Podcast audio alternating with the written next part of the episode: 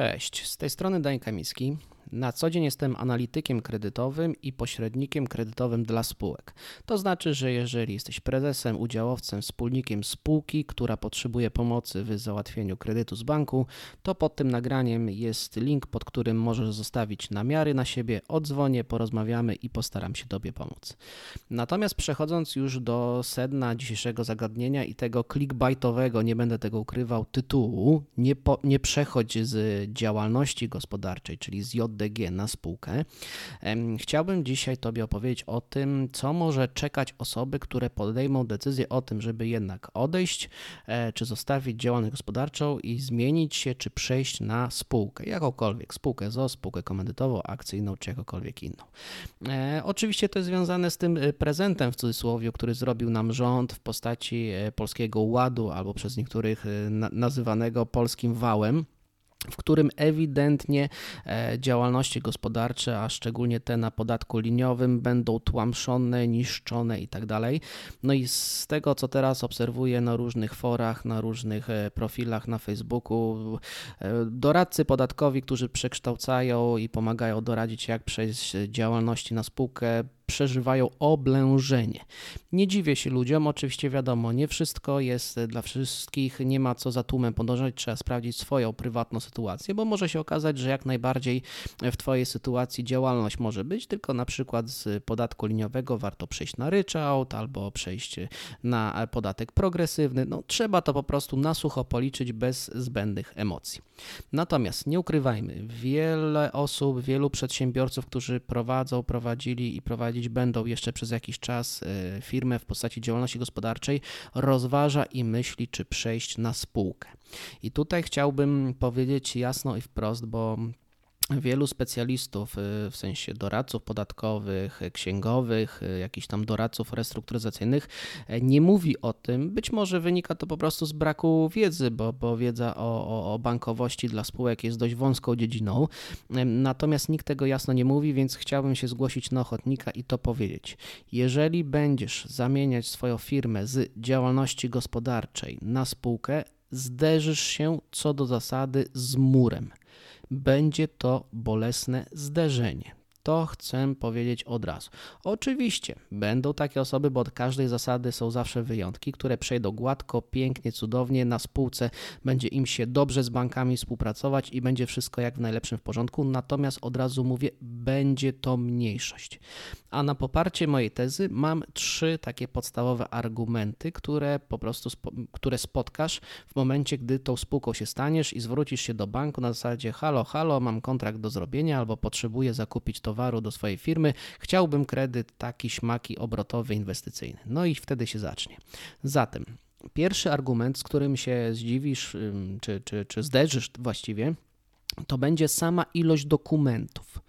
No bo przy takiej klasycznej działalności gospodarczej, w skrajnym przypadku w dobrych czasach, banki tak naprawdę potrzebowały dowodu osobistego, nie wszystkie, ale część, dowodu osobistego, książki przychodów i rozchodów zeszłorocznej, aktualnej oraz zaświadczeń z ZUS-u i Urzędu Skarbowego i to też nie zawsze. I była grupa banków, która na tej podstawie udzielała kredytu bankowego, więc dokumentów były w skrajnym przypadku 3-4 z dowodem osobistym właściciela i temat był finalizowany. Standardowo przy takiej normalnej procedurze dla działalności gospodarczych to było około 10, no może 12-13 dokumentów z wyciągami, z pitami itd., tak itd. Tak Nie mówię oczywiście o kredytach pod nieruchomości, bo tam dochodzą operaty itd., tak co jest, co jest logiczne. Tak, więc tutaj powiedzmy, że, że w 10 dokumentach dla naszego uproszczenia byłeś w stanie się zamknąć, tak, tyle musiałeś pobrać od księgowej, gdzieś tam pozałatwiać, dowieść faktury i wszystko było ok. W przypadku spółek i praktycznie każdej spółki ilość dokumentów rośnie do około 30 na dzień dobry, a nawet w skrajnym przypadku potrafi to być 40 dokumentów. I teraz wchodzą w to bilanse, rachunki zysków i strat, sprawozdania, opisówka do tych sprawozdań, bo oprócz tego, że składasz sprawozdanie finansowe swojej spółki, to jeszcze musisz je opisać. Oczywiście ono jest zawsze po łebkach, bo umówmy się, nikt tam dla e, spółki, która ma 5 milionów obrotu czy 10 milionów obrotów nie będzie jakichś e, wypracowań e, doktorskich robił, natomiast napisać to trzeba i, te, i tą opisówkę trzeba dostarczyć. Do tego dochodzą umowy spółki ze wszystkimi aneksami, czyli jak w międzyczasie coś zmieniałaś czy zmieniałeś, tak, no to E, bank nie wejdzie sobie w rejestr Centralnej Ewidencji Działalności Gospodarczych i nie pobierze sobie aktualny, tylko będzie prosić, ok, poprosimy ten aneks do tej umowy spółki, o tą zmianę właścicielską e, poprosimy pokazać, proszę pokazać, gdzie się udziałowcy zmieniali, jak się kapitał podnosić. Na każdy taki ruch, choćby złotówkowy, trzeba będzie dostarczyć dokument. Do tego dochodzą uchwały zarządu, do tego dochodzą walne zgromadzenia udziałowców bądź wspólników, w których chociażby wyrazisz zgodę na to, żeby Twoja spółka wzięła kredyt. To może być całkowite nowum dla Ciebie ponieważ jeżeli jako właściciel e, działalności gospodarczej zjawiasz się w banku na podpisanie umowy kredytowej, e, no to było to oczywiste i dorozumiane, e, że po prostu chcesz to, ten kredyt wziąć, tak? Natomiast w przypadku spółki to tej oczywistości nie ma i jako udziałowiec, jako wspólnik będziesz musiał wyrazić zgodę na to, żeby po prostu spółka taki kredyt w ogóle wzięła, więc to jest już kolejny dokument. I tych dokumentów średnio będzie około 30, a w przypadku już naprawdę hardcore gdy, gdy, gdy, to będą jakieś takie nietypowe spółki typu spółka ZO, spółka komandytowa i tak dalej, i tak dalej, może to dobić nawet do 40 czy nawet 50 podstawowej dokumentacji bez dokumentów e, nieruchomości, gdyby to był jakiś tam kredyt inwestycyjny bądź nieruchomość i tak dalej, i tak dalej. Więc tu już będzie potężny ból głowy o to, ile trzeba tych dokumentów tak naprawdę zebrać, żeby w ogóle bank się tym tematem zajął. To jest pierwszy argument. Drugi argument to jest e, trudniejszy i dłuższy proces kredytowy. Bo ile mając działalność gospodarczą, e, tak naprawdę dostarczałeś czy dostarczałaś książkę przychodów i rozchodów, no i być może dla osób y, spoza branży finansowej to jest y, jakiś magiczny dokument z kopalnia wiedzy finansowej, o tyle dla takiego specjalisty jak ja, no to to jest dokument banalny, tak? I z niego tak naprawdę w astronomicznym skrócie można wyciągnąć trzy informacje. Jaki był przychód, jakie były koszty i jak to się przełożyło na dochód. I tyle i więcej tutaj nie ma co analizować, tak? Analityk większej roboty nie ma, może posprawdzać poszczególne miesiące i tyle. I, i kończy się jakaś tam wielka matematyka i wielka analiza. W przypadku spółek wchodzisz na pełną księgowość, pełne księgi rachunkowe, to znaczy pełne bilanse, na które składają się aktywa i pasywa, pełne rachunki zysków i strat w stronach, bo już nie będę Ci mówić w pozycjach, natomiast w stronach potrafią te dokumenty przy naprawdę niewielkiej spółce, takiej do 5 milionów obrotu, dojść nawet w skrajnym przypadku do 4-5 stron A4 danych tabelkowych jedne po drugich.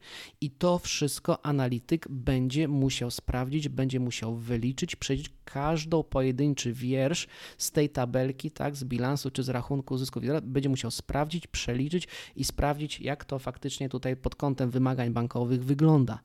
Wobec tego tutaj już na samej ilości tych informacji, tej analizy spowoduje, że, że ten proces kredytowy będzie znacznie dłuższy i będzie znacznie trudniejszy trudniejszy w sensie takim, że o ile ciężko na przykład przy książce przychodów i rozchodów dla firm, które są na działalności gospodarczej, wywnioskować, czy, czy ten przedsiębiorca spóźnia się z fakturami, czy nie, no jedynie po wyciągach musiałby analityk siedzieć i wziąć z wyciągu jakąś pozycję, tak, i sprawdzać, czy kiedy, jaki był termin faktury i kiedy została zapłacona. W przypadku pełnej księgowości widać to praktycznie od razu pokazane są zatory, czy dobrze regulujesz swoje płatności, czy kiepsko ściągasz pieniądze od swoich klientów, tak? I analityk ci to wytchnie i będziesz musiał, czy musiała się chociażby z takich rzeczy tłumaczyć, dlaczego to wygląda tak, a nie inaczej.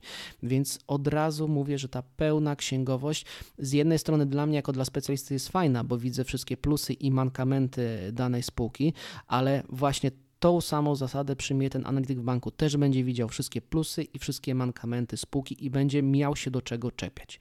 To jest druga rzecz. Trzeci argument to jest generalnie podejście banków do spółek. Pomijając duże spółki, które mają paręset milionów obrotu pomijając jakieś takie e, quasi, quasi renomowane spółki, czy państwowe jakieś Orleny, nie Orleny, Lotosy, nie wiem, PKP i tak dalej, spółki, które po prostu mają takie plecy, że tam się wykonuje z ministerstwa telefon i kredyt jest załatwiony.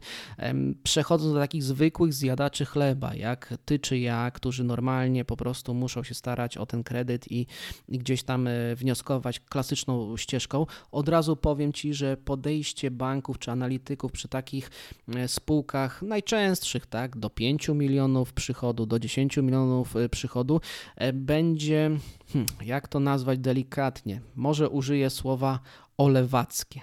To będzie olewactwo.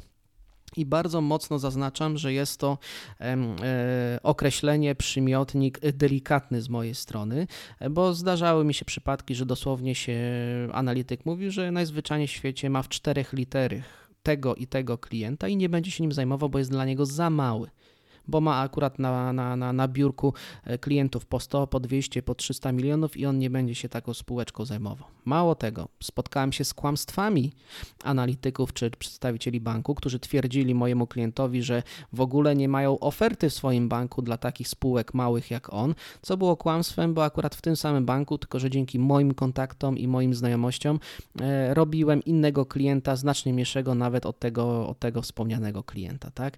Więc nie mówię, że zawsze, bo tam też pracują fajni ludzie, trafiają się fajne jednostki, do takich ludzi ja docieram, z takimi ludźmi buduję relacje po to, żeby można było później moich klientów tam przekazywać i żeby z tego wychodziły kredyty. Natomiast myślę, że na tym poziomie zderzysz się z murem przepotężnym, zderzysz się z niechęcią i to dosłownie niechęcią taką systemową banków do obsługi ciebie jako małej spółki, spółki o przychodzie do 5 milionów, do 10 milionów. Tutaj, jeżeli myślisz, że pójdziesz do 10 banków i wszyscy ładnie e, przyjmą temat i fachowo się nim zajmą, niestety tak nie będzie i mówię to z pełną odpowiedzialnością. Jeżeli nie masz takich kontaktów jak ja, wiedzy, jak naciskać, na co zwrócić uwagę, gdzie, gdzie po prostu bank zaczyna lecieć w tak zwane kulki i żeby to wypomnieć i zwrócić uwagę, że hola hola, tak to my się nie bawimy, niestety w 50% przypadkach polegniesz nie dlatego, że twoja spółka jest kiepska, nie dlatego, że twoja spółka nie ma zdolności kredytowej czy złe współczynniki, tylko polegniesz po prostu z systemową niechęcią do twojej spółki. Dobra, Tyle ode mnie. Nie chcę Cię oczywiście odciągać od tego przechodzenia na spółkę, jeżeli podjęłaś czy podjęłaś taką decyzję, że podatkowo i prawnie Ci się to bardziej opłaca. Niemniej chcę dać jeden komunikat i jasną informację. Różowo nie będzie delikatnie ujmując. To będzie batalia i te pierwsze lata przejścia na spółkę, zderzenia z bankowym systemem, takim jaki on jest teraz, nie wiem jaki będzie za 2-3 lata, no to będzie kubeł zimnej wody dla ciebie. Więc dobrze się przygotuj, bądź rzetelna, rzetelny w zbieraniu dokumentów, dobierz dobrą księgową, a jeżeli samemu nie czujesz się na siłach, no to miej kontakt z takimi osobami jak ja, które w razie czego, jeżeli będzie ta potrzeba kredytowa, no to zawsze Ci pomogą i znajdą bank, który Tobie tego kredytu uruchomi. Dobra, tyle ode mnie. Dzięki za wysłuchanie i do następnego odcinka.